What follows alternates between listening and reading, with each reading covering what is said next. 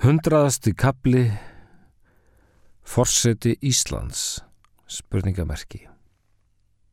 1944 En uppi á Íslandi stutti ríkistjórin sig við staf, dyrastaf, lagabókstaf. Á leiðsinni frá danskri kvílu og spurði þann staf menn er þið loflít, er það löglegt? Stafurinn gljáði í morgun byrtunni glanskvítur og hrettn og kvíslaði svari sínu svo lágt að afi gat ekki hýrtað. Enda bergmálaði nú í höfði hans önnur hugsun. Kanski verði ég einmitt hvorsin landsins efsti maður vegna þess að í gleðinni stend ég neðist. Menn trista þeim sem í heitu máli sínir kaldan hug. Hann fetaði sig fram gólfið og niður stigan, afi vissi auðvitað að smáþjóð getur aldrei verið þrjáls. Og hversu hlálegt var það líka að ætla sér að fagna sjálfstæði í hernumdu landi. Sjálfsagt voru Íslendingar fyrsta þjóð heimsins sem áliti sig frjálsa í slíku ástandi. Aldrei skorti þá ímyndunaraflið blessaða, hugsaði afi og hristi hausinn. Hann var komin niður í skálan og skimaði út um hurðarglerið af gömlum vana og hugsaði enn á ný. Undarlegur anskoti að reysa kirkjuna svona beint ofan í bæjarhlaði þannig að hún skikki á heimtröðuna. Heðan sást ekkert nema kirkjugablinn. Hann var hálfur bafaður sól og framhjá honum sást að fjóskablin á eyvindarstöðum var einnig uppljómaður af morgunsól úr norðri. Hún var auðvitað komin upp svo gamla, klukkan var kortir yfir fjögur. Hann gekk inn á skrifstofun og horðist í augu við Danakong þar sem hann stóð hallandi fæti á skrifborðinu í myndaramma á samt Franklin D. Roosevelt í öðrum ramma, áður en hann kvarf inn á litla toilettið á eldhúsganginum og hóf sína hefðbundnu bunu byð. Hún var óvenju lengi á leiðinni þennan morgunin og var sannkölluð nabla Jónsu buna er hún loks byrtist, kend við heimsins Bonaparte, en keisarin franski mátti oftlega býða úrkomu sinnar undir tré sem og hersveitin öll að baki honum. Kviðbytt og blöðruþraung hafa lengi verið fylgifiskar valdsins, saði mér eitt sinn læknir, hinn óbreytti hermaður, mýgur skínandi sigurboga á meðan herfóringin beigir sig yfir lóðréttan leka, stríðsherrans stress. Ríkistjórin helt inn í eldhús og sótti sér glas í skáp, skrúfaði síðan frá kaldavatninu leta renna að íslenskum sið en stakk höndum í sloppvasa og pyrði augun út um norðurgluggan. Þótt grátt væri yfir satt sólinn í skíaglöfu ofan á esjunni og skein lárétt framann í hálf sköllóttan mann með dökkar brúnir og steinstiftan munnsvip. Á nesinu handan við náttstiltan skerjafjörð lág þjóðin sofandi í sinni litlu lágu borg. Hún náði vart upp á skólavörðu holtið sem enn var Hallgríms kirkjulöst. Í austri sá til bláfjalla og langt handan þeirra lág hinn stríðshrjáða Evrópa hvar sonur hans satt fastur í skotgröf eða gröf, hann hafði ekki heyrt frá honum í meir en ár, og hvar tengdadóttir hans var sjálfsagt vaknuð til að elda gröytin á þessu indala heimili þarna í Lýbekk. En hvar skildi hún herra litla vera nú? Hvernig skildi hún verja þessum sögulega degi? Afi tapaði aldrei trúnni og hugsaði til mín á hverju modni, sagði hann síðar. Ég átti hins vegar til að gleima honum heilu vikurnar og ekki hafði ég hugmyndum að hann yrði fórseti Íslands. En hér stóða nú í eldhúsunni og bestastöðum margarindur og framfattur maður á landsins fínasta sloppi, árviti þjóðar sem enn var óvöknuð en ætlaði sér að nýta styrjöld sér til framdráttar. Kunni það góðri lukku að stýra. Kæmi það okkur ekki í koll þótt síðar yrði? Afi tegði sig yfir bekkin, opnaði rifu á eldhúskluggan og fann innum hann þefin af íslensku þjóðar fregjunni sem átti aðeins eftir að ágerast á komandi árum og geta af sér orð eins og stríðskróði, ofbeit, þorskastríð og útrás. Hann rendi fingri undir bununa og fann að jökull var komin í vatnið en let þó renna áfram undir hugsunum sínum hafði það líkt á píanospil við einsöngsrött sem hækkaði nú tónin. Já, hann sem verið hafði forfalla kongur þessarar ómálka þjóðar nú um þryggjára skeið, hann hafði þó reynd hvað hann gata að telja mönnum hugkvarf. fá þá til að býða þar til stríðum létti og menn gætu aftur talast við sem eigin herrar og þegnar þeirra. En á hann var ekki hlustað. Þingið hafði hleyið af tillögu hans um þjóðfund og samt ætluðu sömu menn að kjósa hann sem forsetta síðar í dag á þingvöllum þar sem Íslendingar hafðu síðast ráðið eigin ráðum fyrir 700 árum. Þótt Afi Sveit væri margvistlaður og krúnuvanur maður sem var grunn ástæðan fyrir því að hann var kosin fyrst í fórsett Íslands, hann var jú eini Íslendingurinn sem kunni að setja við háborð og átti stuttbúsurnar sem krafist var í Buckingham Hall og seinþreyttur til meðdorða mátti ef líkami hans hefði verið kröfin á þessum dimma sumarmorni greina stoltan fyrring í yðrum hans. Nú gengi hann inn í þá raunköldu bók sem Íslandsagan var og tæki þar í höndu njáli Bergþórskvóls, torgeri ljósvetningagoða og snorra sturlusinni ef sá var ekki vant við látin í búðsinni við skriftir og afskriftir. En hvernig heilsaði maður annars fornmönnum? Vart voru það einföld handabönd? Slettubönd kannski? Nei, hvaða rekkjubeins rugl.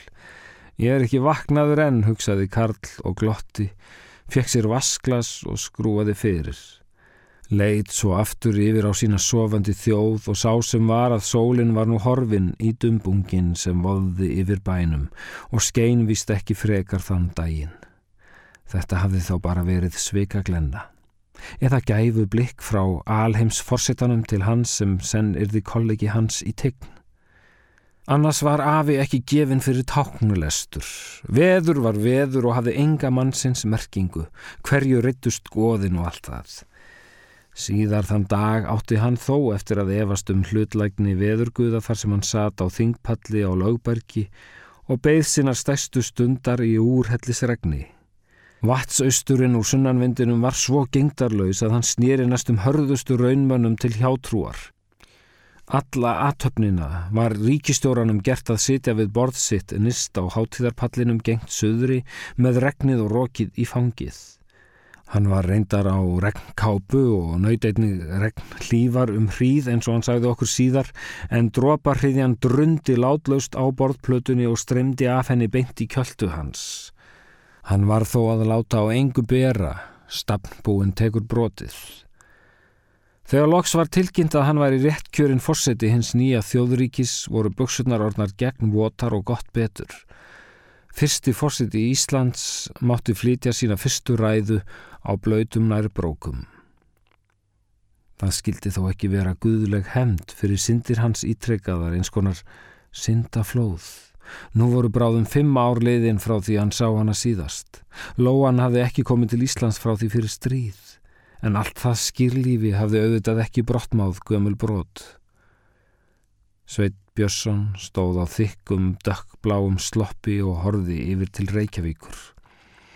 Og líkt og títtur um roskna kvíta karlmenn var yfir honum hinn varðarlegasti blær.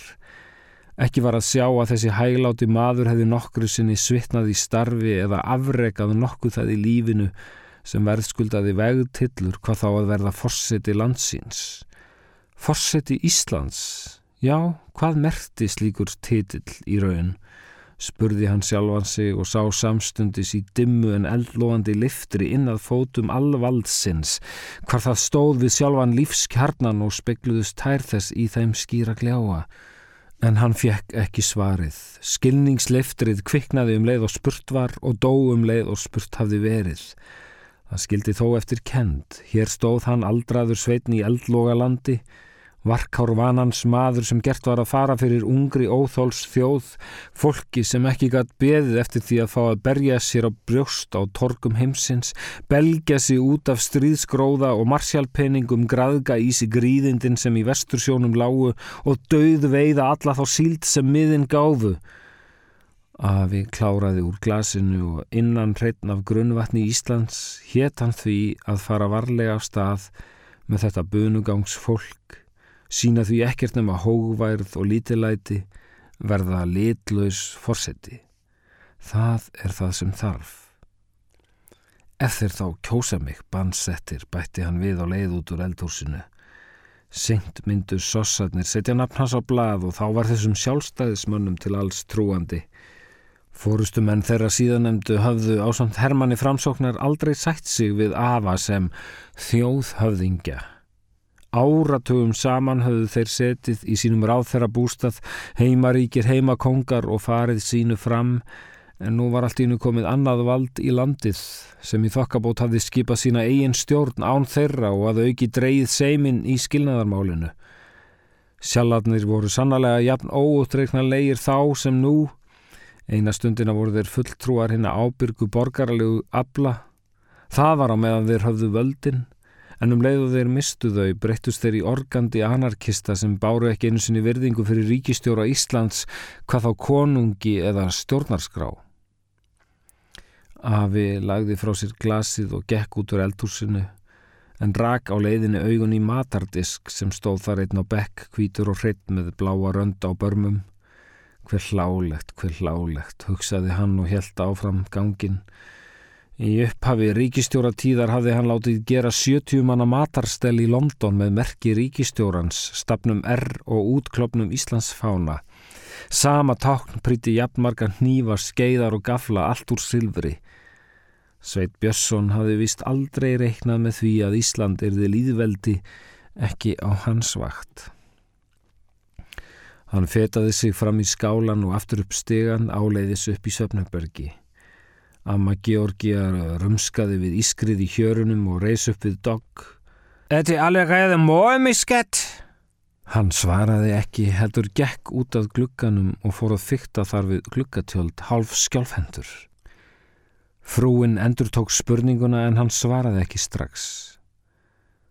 Oft hafði það ert hann að eiginkona sendi herra Íslands, ríkistjóra Íslands og nú bráðum forseta Íslands hefði aldrei náð tökum á íslenskri tungu og hefði þó haft til þess 40 ár en þennan morgun langaði hann til að brjóta gluggan og okna henni með glerflís.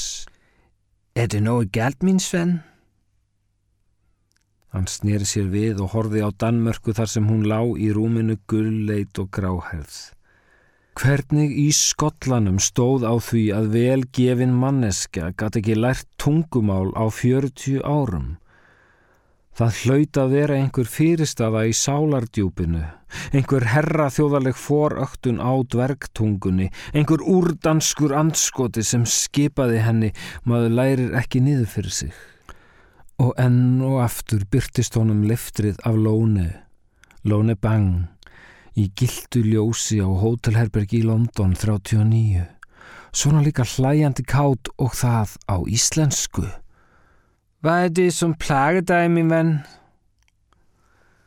Og svo sem ekkert. Já, det må være noget. Afi sletti í góm og sagði síðan. Það er bara þetta með fórsetaðinbættið. Ég veit satt að segja ekki hvort ég er rétti maðurinn í það.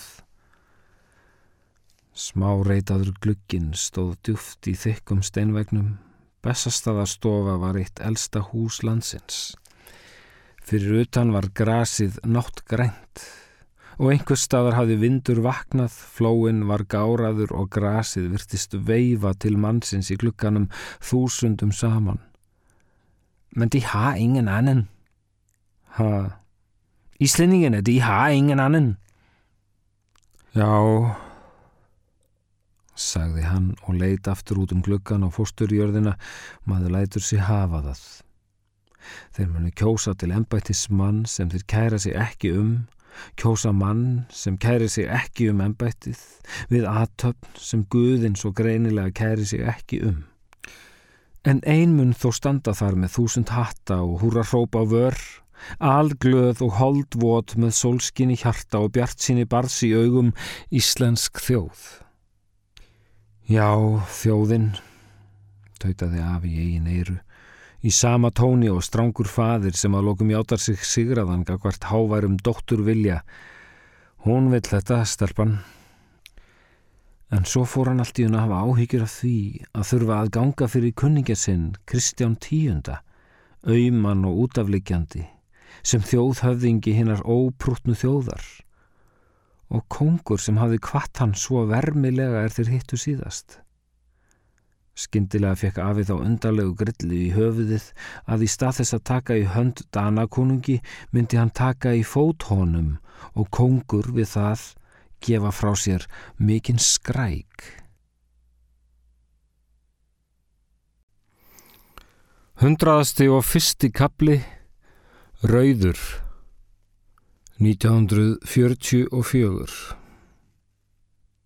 Á sömu stundu og afi rjáttlaði óstyrkur við morguntjöld og gerði sér grein fyrir því að hann gerði það fyrir alla aðra en sjálfan sig að verða forseti Íslands, gekk ég minn pólska náttskó í átt til sólaruppbrásar og var nú lendi í einhvers konar burkna veldi mittisháum plöntum af ókunri ætt.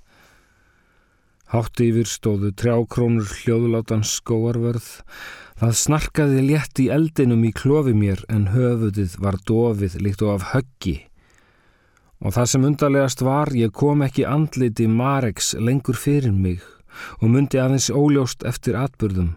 Líka minn hafði sleið ringum sem glataða meitóm og hugaði nú að herru, sál og sjálfi en rutti frá sér öllu því sem hvar var, hver og hvernig. Kanski var það vegna frummennskra aðstæðina, skóurinn og árdegið, en allt í hennu blossaði upp í mér arfur kynnslóðana sem ég óavitandi bar innra með mér, líkt og neyðarblóm sem breyðir úr sér á augabragði og veitir öllum plöntum skjól. Sjálfsagt hafði mömmu, ömmu, langömmu og formæðurum þeirra öllum verið nöðgað Í hlöðum, á hlöðum, í lautum, í leitum, á heiðum, í stofu, í verbúð, í skemmu, á balli, í skógi, á skipi, í kastala, koti, gardi og aldingardi. Og smám saman hafði kvenkinni þróað með sér þessa sálar vörn sem spratt nú úr sinni mínu líkt og blóm úr mold og meinaði mér að sjá það sem gerst hafði.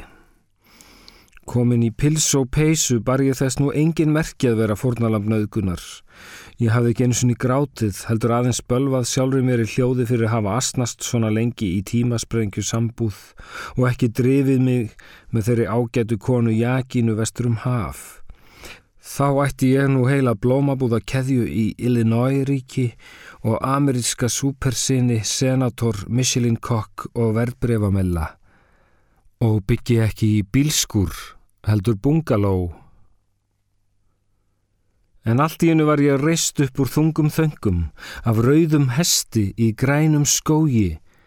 Hann byrti slikt og úr töfra lampa, stóð mér á hægri hönd og hafði reykt upp makkan snöglega með blaðgrænum burkna þitt er hann varð mín var og fæltist síðan frá mér út á hlið í nokkrum flumbrulegum danssporum. Sjálfur í brá mér jafn mikið og honum á fröys í sporinu.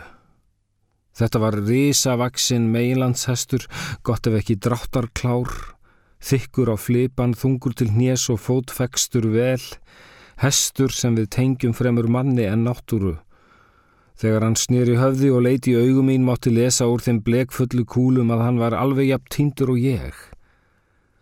Við stóðum gravkýr góða stund hvort gegnt öðru og ég fann að ég þurfti á honum að halda.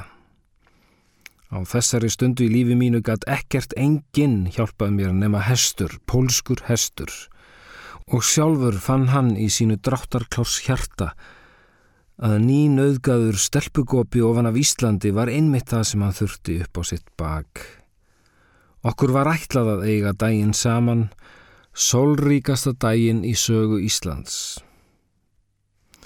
Eftir nokkur vandræðaleg andartök tegði rauður fram hausinn, hundrað kíló af ölundarsmíð á starfið bátsvél. Ég lagði fingur bak við enni hans. Það var eins og að finna fyrir steinþungum hliðum lendardómsins, vekkfóðruðum með grófu flaueli. Hvað bjó handan þeirra? Hann lagði sinn mikla gúmflipa við magan á mér, líkt og hann vildi þefa af Karlmanns verkum færði sig svo neðar, stakk enni í nára og nuttaði upp og niður um pilsið. Var þetta kannski neyðarhestur nöðgunarhjálpar, rauður frá rauðakrossi? Loks rann upp fyrir mér að hann vildi mig á bak, bauð mér makkan fyrir stiga. Ég greip óstyrkum stífgróft faksið og klöngraðist yfir eirun sem voru á starfið frístandandist tauservjettur. Nára sárið tók við sér en ég harkaði af mér og tóstað klófiða mig á bak með aðstóð rauðs sem risti makkan af þroskaðri nærgætni og hjælt síðan af stað.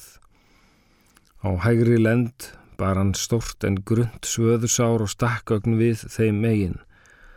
Þó dró úr heldinni eftir því sem á ferð okkar leið en hún tók sig upp aftur ef við áðum of lengi. Sársökin lág í húðinni, reyfingin mitt í fleðuna sem styrnaði svo ef stansað var. Klárin virtist vita hvert hann ætlaði því hann stemdi ætið í austur, í sólarátt og bar mig undir löfgrænar ljósakrónur inn í greni flóð um klappasapn og könglastig yfir læk og annan fór jafnan fetið þungum þreyttum skrefum sem voru þó kraftug og vittnudu um ómælis úthald. Þegar sólinn var laus frá hæstu toppum byrtist okkur stígur og láð þvert á okkar leið. Rauður stansaði augnablík og snýri eirunum líkt og slóðunemum til begja handa en setti svo undir sig hausin og gekk yfir stígin, helt inn í skóar skuggan handan hans, frísaði vel og fróðufeldi. Var hann kannski nazista hestur sem sá um gýðingasöfnun í þessum landsluta? Var ég kannski á leið á lagerinn? Lúsísku hjónin sálögu höfðu frætt mig um die koncentrationslaga sem var eins konar lager húsnaði sem Hitler hafði byggt handa vini sínum döðanum svo ekki skorti hann varningin og sér valdi inn á hann bestu eintök þjóðar sinnar því harðstjórar óttast ekkert meirinn hugmyndir og hæfileika. Hæsta veksemt hvers þjóðverja var því að vera leittur inn um gasliðin, fangabúðirnar voru hinn Þíska heiðursakademia. Hvernig gæti ég treyst þessu hrossi? Á þryggja ára flökkulífi hafði ég þróað með mér ramgjert innsægi en ónóttinn með Marek hafði greinilega leikið það ítla. En satt að segja var líf mitt orðið hreitt skaldskapur þegar hér var komið við sögu. Saga mín var skráð af stærri sögu. Líf mitt var aðeins þreyttur pappir sem tíminn retaði á sín ólíku óvæntu atvik, svo úrvarð doðrandur fullur af ólíkindasögum þar sem eina samhengið var ég sjálf. Svo myndi helst á nokkus konar bókald. Þúsund reikningar fyrir jafnmarga hluti sem mér hafði verið gert að setja nafn mitt á. Ég var fyrir laungu hægt að lifa lífinu heldur létt mér næja að lesa það eins og bók. Og hvað svo næst? Aðeins vandraða Guðin vissi hvers konar óskapa kona kemi út úr þeirri samningu allri. Ef hann hefði tekið af mér ljósmynd í stríðslokk hefði hún ekki verið svartkvít mynd af 16 ára hrakkinherðri stúlku, heldur kúbíst portrætt eftir Picasso af bretonskri fisksölu kerlingu með hundrað teninga andlit. Og hér hafði einum slíkum verið kastað á milli fóta mér Göndull í gær, drösull í dag og rauður samkvæmt húðar líðan. Sérvóni var rauður á pólsku. Við riðum inn í daginn og aldrei örlaði á trjáleysi hvað þá byggð, manneskum.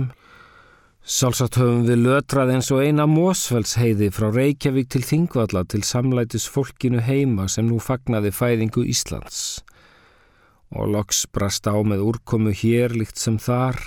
Ég fekk hestin til að stansa og hann leit undan prúðmennið sem hann var, á meðan ég let gusuna ganga niður úr gjáminni svo úrvarð öksar á með dönskum róða í flömnum. Hundraðasti og annar kapli Gleiðfáni Íslands 2009 Og nú ligg ég hér í höstköldum bílskur og horfi á mig pissa með sjálfstæðis líðveldi 17. S-hljóði á heitum morgni í fornum skói og sauma handa mér síðari tíma hugsanir að setja í lítinn koll. Að hugsa sér, við vorum orðin sjálfstæð þjóð. Þóttið yrðum vist aldrei annað en gæsalappa líðveldi með glidruflagg Hér var danabrók niður tósuð og heiðbláminn dragblöytur dreyin að húni, sérlega teiknaður til að tólka sögu þjóðar, rauður kross fyrir blóð okkar tíða um lukin kvítsæði dana og fjórir blettir marlitir í kring. Og þannig er vor fáni enn í dag sem við flöggum framann í aðrar þjóðir af berrasaðri bíræfni, reynd útsagt ein krossu að riðin sáðsullandi blóðkunda. Umkring fjórum bláum marblettum, dönskum, norskum, enskum og amrískum. Já, já, já, já, þeir komuð að norðan, komuð að sunnan, komuð að vestan og komuð að austan og eigin svo átti börn með þeim öllum. Þannig voru víst getnar óvættir Íslands. Og hvar eru við svo stödd í dag?